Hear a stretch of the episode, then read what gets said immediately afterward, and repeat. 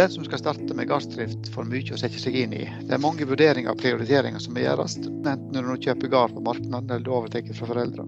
Ikke minst så merker en fort at for å drive gard, så kreves det både kunnskap og kapital. Velkommen til Vestlandsbonden, en podkast for landbruksinteresserte vestlendinger og andre med hjerte for norsk landbruk. Vi skal gjennom to episoder se på ulike utfordringer rundt det å starte opp eller overta en gard. Programleder er Kolbjørn Taklo, HMS-rådgiver og fagleder i Norsk landbruksrådgivning vest. Hva skal vi drive med på gården? Skal det være en buplass med noe attåt, eller skal det være arbeidsplass og hovedinntektskilde? Skal vi holde fram med produksjonen som de før oss har gjort, eller skal vi tenke nytt? Hva kan vi produsere på vår gård, og hva spør markedet etter? Hvordan skal vi prioritere? Skal vi prioritere driftsbygning, maskin og redskap, eller skal vi ordne på Bustadhuset? Det er mange spørsmål og utfordringer som eh, dukker opp når en skal starte med gardsdrift. Vi skal eh, gjennom disse to, to podkastene prøve å finne svar på noen av dem. I dag snakker vi med bygningsplanlegger i Norsk landbruksrådgivning vest, Hans Emil Dale, om viktige vurderinger omkring bygningsmassen på gården, og hva slags rådgivning Norsk landbruksrådgivning kan gi for dette. Vi snakker òg med finansieringsrådgiver May-Britt Otterlei i Innovasjon Norge om ulike stønadsordninger til landbruket, da særlig knyttet til en oppstartsfase. Innledningsvis så har jeg lyst til å komme med noen gode råd, og selvsagt litt HMS på veien når du skal starte med gassdrift. Punkt 1. Gå en vernerunde på gården før du gjør noe som helst annet. Leit etter fallfare, brannfare, usikre kjemikalier og andre farlige punkt, og gjør sikringstiltak rundt disse her med en gang. Ta med deg medbruker familie på den vernerunden, og diskuter hva som er farlig og ikke farlig. Unger er jo frelst i gamle gråtasstraktorer og maskiner, men husk at disse her er arbeidsredskap som kan medføre fare hvis en skal ta det i bruk. Det er ikke leketøy. Punkt to. Husk at det nå er du som er leder for gården som arbeidsplass.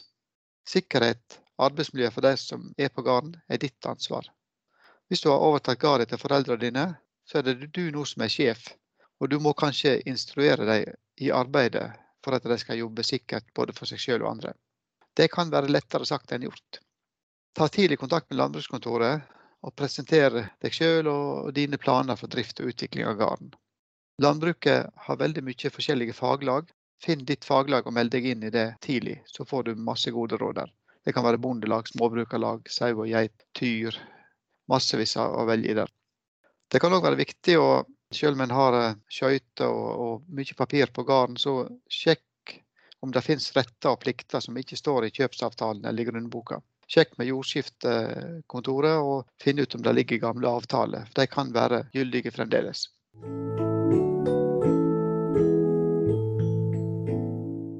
Vi skal snakke litt om byggrådgivning. Et eh, gardsbruk har ofte veldig mange bygninger. Og det er jo på godt og vondt. Det er både nyttige bygninger og det er unyttige bygninger. Eh, nye generasjoner har kanskje bygd et nytt tilbygg til den gamle driftsbygningen. Og noen har bygd flere tilbygg. Så er spørsmålet da, passer det som du har tenkt å drive med, inn i de bygningene som du har på gården? Er det mulig å tilpasse dette? her? Får du plass til fôringsmaskiner? Kommer du inn med traktor osv.? Andre spørsmål skal vi bygge på enda mer? Eller skal vi rive ned alt og starte på nytt igjen? Bygge nytt, nytt bygg? Eller skal en bare bygge et nytt bygg ved siden av og la det gamle stå i tilfelle en har bruk for det til noe? Og hva med klimaregnskapen oppi dette, her, altså i forhold til bygge nytt eller bygge på det gamle?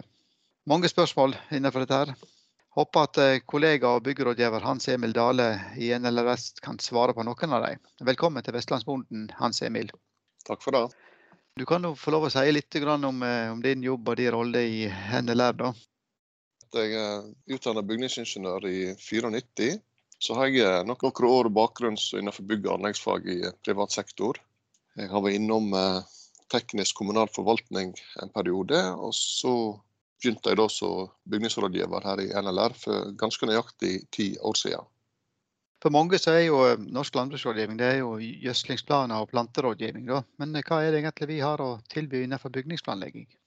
Altså, innenfor bygningsplanlegging så kan vi faktisk tilby eh, ganske mye ut ifra konsulentsida. Altså, vi kan tilby førstebesøk, som vi kaller det.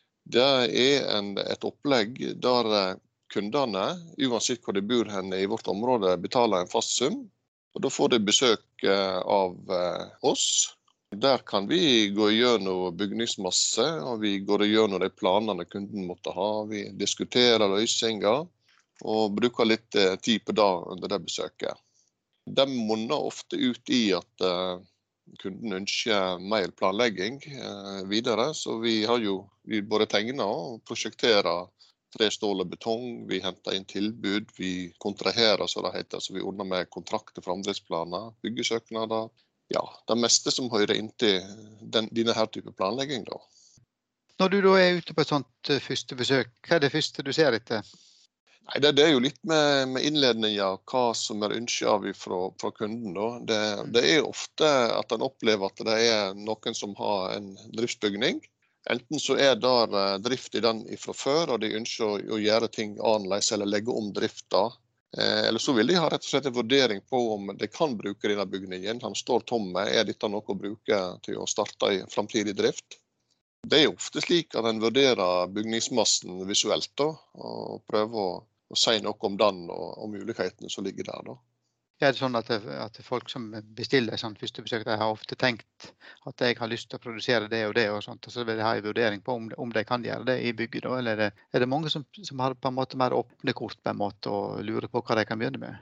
Ja, det er egentlig begge deler. Noen har forberedt seg og, og planlagt sjøl over lang tid, og, men så trenger de på en måte kanskje den siste vurderinga før, før de begynner.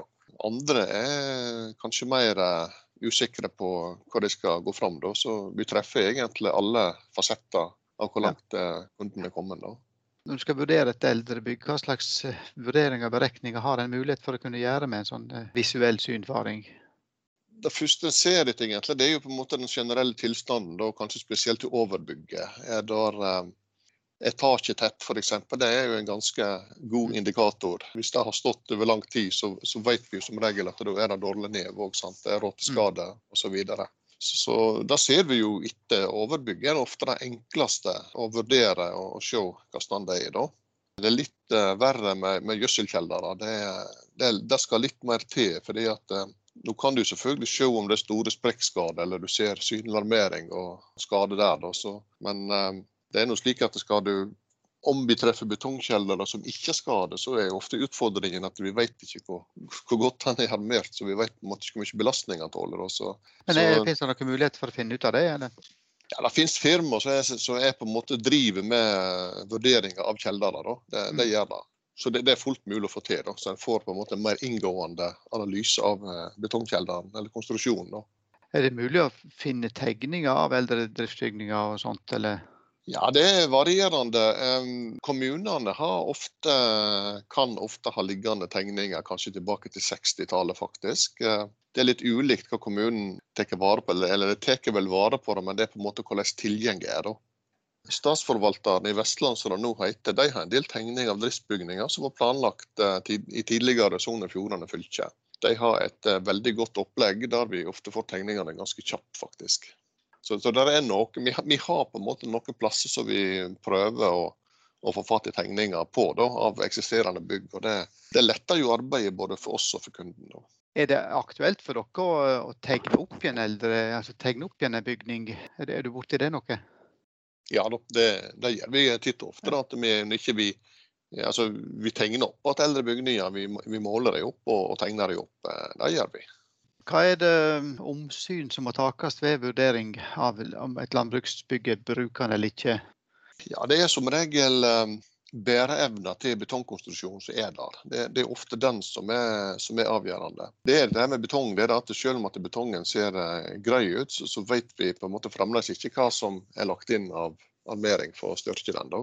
De fjøsene som du gjerne skal til å bruke opp, at det er tidligere båsfjøs og de er på en måte, de har en, en vurdering om at eh, dyra står på én plass, og så eter de på en annen plass.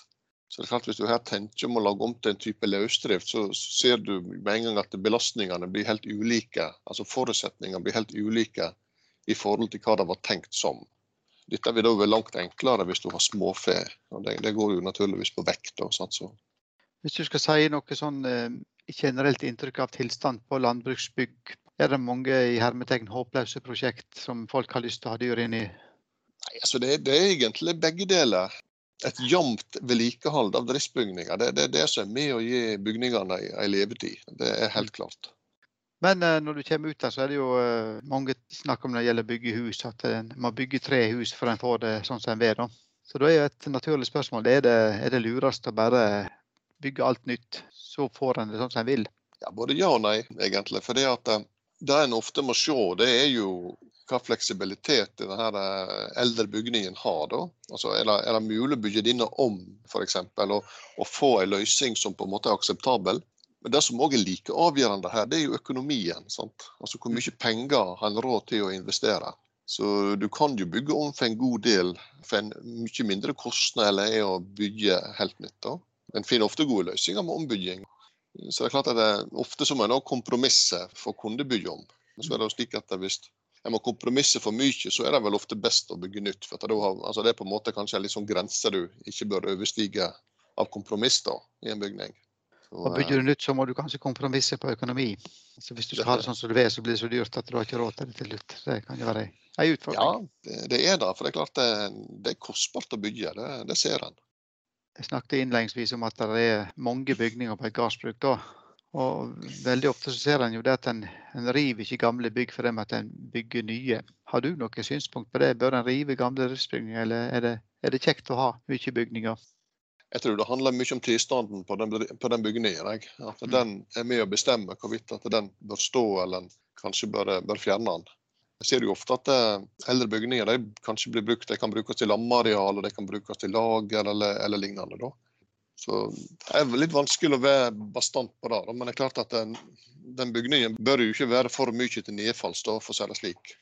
Hvis du da har et bygg som du skal bare ha stående i tilfelle du får bruk for det, og sånt, så må man jo på en måte prøve å ta vare på det. Men en har jo ikke noe inntektsbringende som forsvarer utgifter på bygget og sånt. Men hvis du skulle nevne opp litt om minimumsvedlikehold for et bygg som bare skal stå der i påvente, hva, hva tenker du da er det viktigste av det viktige?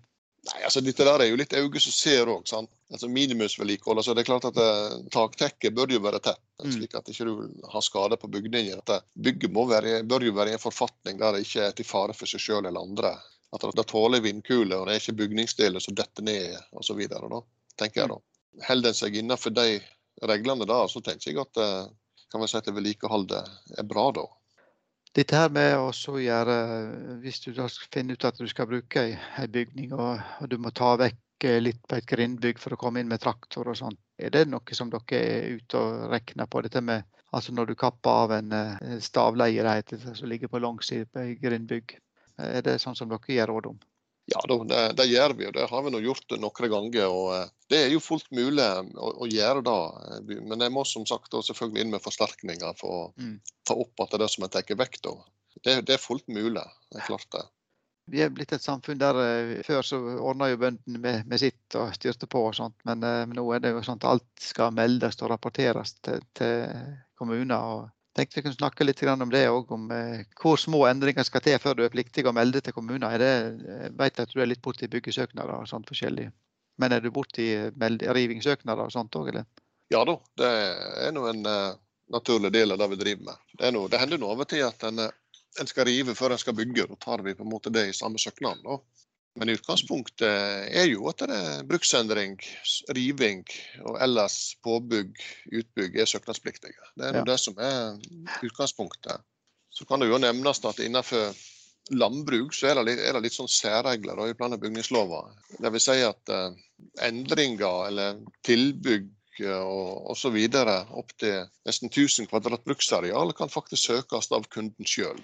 Og det er jo ganske mye. Eh, ja. Når du kommer over det arealet, så må du få inn firma som på en måte er ansvarlig søker for å ta den mm. byggesøknaden videre. da. Har du ellers noen gode tips og råd til folk som er i oppstartsfase på et gardsbruk i forhold til, til, det med bygg utover det vi har snakka om nå, eller?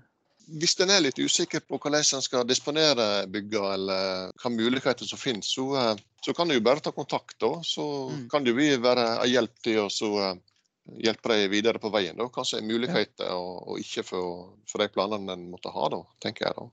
Nei, men Da eh, sier jeg takk til deg, Hans Emil. og Så uh, håper jeg at det var noen som får litt ideer til hvordan en kan gjøre ting, og hva slags muligheter det er for å enten få bygd nytt eller vedlikeholde det en har, og når en skal til å, å drive gard.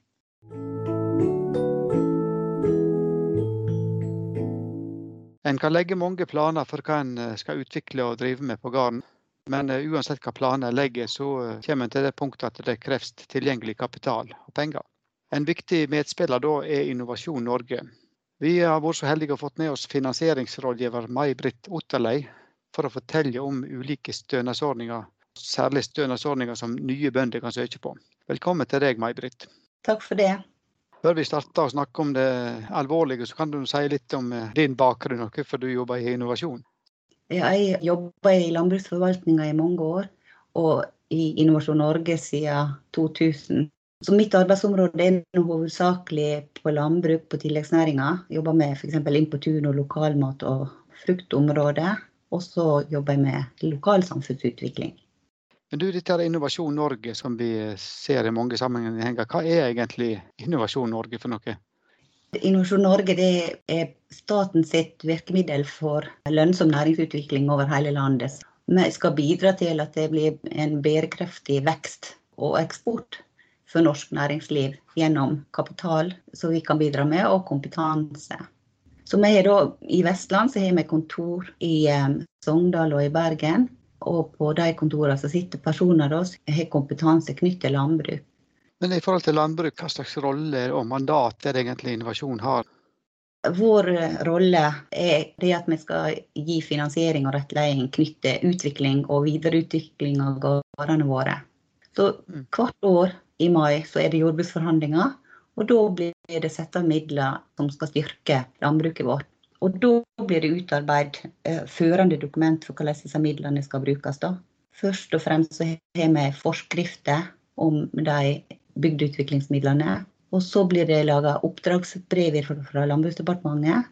Så skal det lages handlingsplaner da, som blir gjort lokalt i fylket vårt. Og da er det et samarbeid mellom fylkeskommunen, Fylkesmannen, Innovasjon Norge og faglagene. Og de setter opp da prioriteringer over distrikt og produksjonsform. Mens det da er Innovasjon Norge da, så lager en egen policy for å kunne håndtere de midlene som vi får over da jordbruksavtalen. At alle midlene til innovasjon til landbruk kommer over jordbruksavtalen? Alle midlene som eh, Innovasjon Norge får som går til landbruk, de går over jordbruksforhandlingene hvert år. Hovedpotten det er da midler til investering og bedriftsutvikling som vi på folkemunne kaller BU-midler. Og så ja. Eh, får vi litt andre midler òg. Men de midlene som Innovasjon Norge får, da, det som skal deles ut til gode prosjekt, der hetes det at vi skal prioritere de prosjektene som gir økt matproduksjon, der det er markedspotensial. Mm. Og når det gjelder prioriteringer i Vestland, hvordan vi skal bruke disse midlene da, der har vi satt utgangspunkt i de ressursene som vi har i landbruket her i Vestland. Prosjektene skal eh, føre til økt produksjon basert på lokale ressurser. Eh, vi skal utnytte grovfòrproduksjon og bruke de lokale beiteressursene. Vi skal støtte opp om bærende produksjoner og f.eks. dette med å sikre fornying og omlegging fra båsfjøs til lausdrift på mindre og mellomstore eh, melkebruk. Så I tillegg så har vi mål om å øke det er mangfoldet innenfor lokal mat, drikke, landbruksbasert reiseliv, inn på tunet og andre tilleggsnæringer. Men Er det hovedsakelig lån eller er det mest tilskudd det er snakk om her i stønadsformen til innovasjon? Ja, det, det, er begge deler. Med både etablererstøtte, investeringsstøtte og lån til de som har en god idé og vil satse på gode prosjekt innenfor tilleggsnæringer. Og så har vi investeringsstøtte og lån til de som vil satse på tradisjonelt landbruk. Når en skal overta et uh, bruk med tradisjonell produksjon, da, så er det jo så mange, mange som lurer på hva jeg kan jeg få støtte til når jeg skal starte opp som ny bonde. Det er sikkert mye som foregår når han er tatt over et bruk, så hvorfor en ende skal han begynne i, liksom. Men Innovasjon Norge har iallfall tilbud om å finansiere prosjekt som er knytt mot uh, investeringer i f.eks. driftsbygninger. Med gode prosjekt så mener vi det som fører til økt matproduksjon, da det er et markedspotensial. Men sånn som hvis en eh, sommertid kan det være at en har behov for en, en, ny traktor og noen nye maskiner og sånt, og det er jo ikke det som koster minst. Er det, er det mulig å bruke stønad for innovasjon til sånne ting, eller? Det heter det at det skal være til driftsbygninger og anlegg kun når det er fastmonterte maskiner, f.eks. melkerobot det er definert som fast. Så hvis en da har et produksjonsopplegg som er litt nedslitt, og, og ser at her må det fornyinger til i ja, f.eks. nye binger og kraft for siloer og sånt, og, og for så vidt melkestall og sånt, så er det midler som er mulig å løse ut ved, ved en gardsoverdraging. Her er jo mange ordninger innenfor ordninga, men mm. hvis du tar over en gard og um, du er under 35 år, så har vi en mm. spesiell ordning. Og da snakker vi om du tar over en gard fra familien, eller om du kjøper en gard. Så har vi noe som heter generasjonsskifteordninga. Der hvis du da er under 35 år, har tatt over gården, og bygning og inventar er nedslitt, som du sier, så kan eh, vi støtte dem med den spesielle ordninga som går på da, mindre ombygginger og utbedringer. Men der er det grenser på opptil 1,5 million i kostnadsramme altså kostnadsoverslag. Og det gjør vi for at vi skal opprettholde produksjonen. Og så kan han søke på den ordinære ordninga seinere, når han kanskje er kommet seg ovenpå.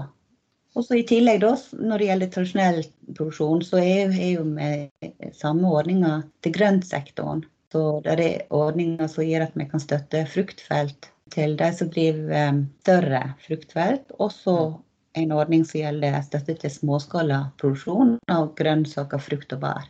Men det finnes jo noen som kjøper seg sånne småbruk og sånt og har lyst til å prøve seg ut med forskjellige Det er ikke sikkert en har noen produksjon som kaster så mye av seg og sånt. Og Snakker en om alternative driftsformer, kanskje tilleggsnæringer og sånt. Er det noen muligheter for å få noe oppstartsstøtte, selv om ikke en vet om det blir noe ut av det?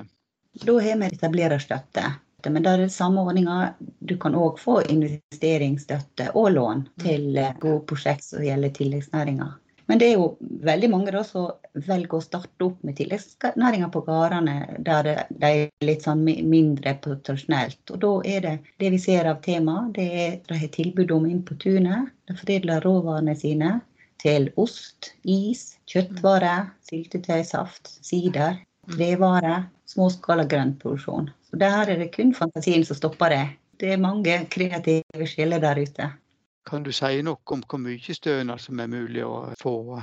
Med etablererstøtte det kan du få over to faser. Hvis du tenker deg da at du har en idé om å starte opp med noe, da kan det være lurt å ta en markedstest. Er det eh, vilje til å kjøpe det produktet eller den tjenesten du tenker å, å tilby? og ta et nyhetssøk, hva som finnes fra før. Og få kanskje litt eh, hjelp til å komme i gang med en eh, søknad. Mm. Eller du kan ta kurs og reise, bygge nettverk. Sånne kostnader kan du legge til grunn for en søknad som vi kan være med å gi tilskudd til. Og så er det kanskje da naturlig at når du har funnet ut ja, det er et marked, så vil du gå videre. Og da er vi over på etableringsfasen. Og da er det å planlegge hvordan du skal gjennomføre den, med tilrettelegging. Kanskje du vil ta enda mer markedstester.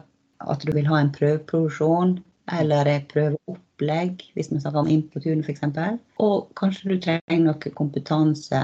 Den støtten vi kan gi, deg, er inntil 75% av eh, kostnadsoverslaget. Men det er jo makssatser, da. Og når det gjelder investeringer, så kan vi være med og støtte investeringer i bygninger, faste anlegg og produksjonsutstyr inntil 35% av kostnadsoverslaget. Er det dere som er rådgivere ved søknaden, eller er det andre som en må kontakte for å få hjelp til å fylle ut en søknad? Det er veldig mange gode hjelpere rundt de som vil starte opp. Men det som kan være lurt hvis du er nett tatt over den gården og står og lurer på Kanskje har en idé og så lurer du på hvordan du skal gå fram, så kan det være lurt å starte med å, å gjøre en jobb sjøl først. Der du ser over, prøver å kartlegge hvilke ressurser du har. Hvilke bygninger du har på gården, og jord. Hvilke råvarer som er der. Hvilken kompetanse har du? Interesse. Tenk gjennom hva organisasjonsform du ønsker. Og at du tenker hva, hva skal din forretningsidé være? Hva produkt og tilbud kan du få til? Og hvem er målgruppa for deg. Og så kartlegge hva du mangler for å komme i mål med de planene. Hvis du vil gå videre da, så er det lurt å lage seg en forretningsplan eller eh, utarbeide en forretningsmodell som viser samsvar mellom de ressursene på gården, den kompetansen din, og det verdiløftet du ser du kan gi for de produkter eller tjenester eh, overfor kundene. Da kan det kanskje være lurt å melde seg på et sånt kurs da, i forretningsutvikling og sånt. Er det noe som dere stiller som krav til enkelte av stønadstypene? Det kan være veldig lurt å melde seg på kurs i mm. forretningsutvikling. Det fins finnes en del gode kurs der ute, men vi setter ikke krav til det. Det er mange som liker å lage planene sine sjøl. Men for å søke støtte hos Innovasjon Norge, så må du ha en plan. Når du skal ta over og du går med en idé i magen, du må jo begynne i en ende, og det er jo en prosess. Sånn at vi forventer ikke at du skal utarbeide en hel forretningsplan tidlig fase. Men du kan likevel tenke gjennom hvilken forretningsmodell du vil ha. Begynne å, å skrive ned f.eks. hva er din forretningsidé. Og utarbeide handlingsplaner og økonomiplaner som viser at eh, over tid så vil det komme en økonomisk utvikling, og det vil bli lønnsomhet i prosjektet. Og så setter du opp en kostnadsplan. Hva koster det å komme i gang med de tenkte planene dine? Hva mye trenger du hjelp til? Hva vil du ha i tilskudd? Og hvor mye eget arbeid kan du gå inn med? Når du sier dette, her, så aner jeg meg at det er liksom ikke bare å slenge inn en søknad. En må faktisk eh, jobbe ganske mye med den på egen hånd. Og, og, gjerne søke råd andre plasser òg for å få dette til. Landbrukskontoret er en viktig aktør i, i dette. her. Ja da. Nå er det sånn at på disse her BU-midlene skal de innom kommunen for uttalelse før de blir sendt videre til Innovasjon Norge. Så de kan det være lurt å ta kontakt med landbrukskontoret i en tidlig fase. De er gjerne lokalkjent og kjenner til mye som foregår og kan komme med tips og råd for å kunne planlegge. Og de har vært borti sånne saker mange ganger. Det står faktisk en stor heiagjeng på de som har tatt over gard og vil starte opp med noe. Og det kan være i tillegg til kommunen, så kan det være Norsk landbruksrådgivning. Det kan være Fylkesmannen, det kan være Matmer. Du finner mye informasjon på Altinn. Der er fagnettverk som du kan være med i, og du har kanskje gode naboer. Og det er masse på nett, og annet så vil jeg absolutt anbefale noe som heter bondeboka.no. Der er ja. veldig mange gode råd og tips. Er det noen faste søknadsfrister på noen av midlene, eller er det fortløpende dette her? Vi opererer ikke med faste søknadsfrister. Men akkurat nå da, så er det sånn at vi har veldig mange søknader under arbeid. Og det kan fort bli til at midlene blir oppbrukt. Så når vi får en ny pott, da, så begynner den å løpe i januar. Og så blir det fortløpende brukt etter hvert. Men nå opplever vi veldig stor etterspørsel og investeringsvilje. Så da kan det fort skje at pengene blir tom til våren. Og da vil jeg anbefale at han tar kontakt med Innovasjon Norge, sånn at han får vite hvordan egentlig ståa er. da. På tradisjonelt landbruk blir det litt fortere oppbrukt enn på tilleggsnæringa. Men det kan være lurt å ta en telefon før en liksom legger for mye arbeid for å sjekke ut om midlene er brukt opp eller ikke. da. Ja, jeg lurer jo litt på um, disse tidligere podkastene våre har jo handla mye om klima. og Da uh, er det jo en, helt sikkert en del nye bønder også som er opptatt av klimatiltak. Finnes det noen egne midler for det i Innovasjon Norge? I landbruket er vi veldig opptatt av det her med gode klimaløsninger. Og vi har stor kunnskap om det og spør etter gode løsninger hele tida. Derfor så ser vi spesielt prosjekter inneholder dette her med gjødsellager og grovfòrlager. Og vi prioriterer faktisk prosjekt med energi- og klimaeffektive løsninger. F.eks. hvis du bruker bioenergi og treverk som byggemateriale. Ordninga med ekstra tilskudd for bygg i tre, den gjelder for tradisjonelt landbruk. Så hvis du skal bygge en driftsbygning og vil bruke tre som hovedmateriale, så kan han søke om det i tillegg og få en, eh, ganske mye ekstra tilskudd. Og så har vi også et verdiskapingsprogram for fornybar energi og teknologi. Det er til større prosjekt som skal stimulere landbruket til å produsere, bruke og levere fornybar energi. Ja, nå har jeg fått mye interessant informasjon om innovasjon og mulige støtteordninger. Mulighetene ligger der for de som vil satse på å drive et gardsbruk. Neste episode er Helena tilbake igjen og skal snakke om våronna i lag med kollega og jordbruksrådgiver Lise Austrheim. Takk for at du lytta på podkasten til Norsk landbruksrådgivning Vest.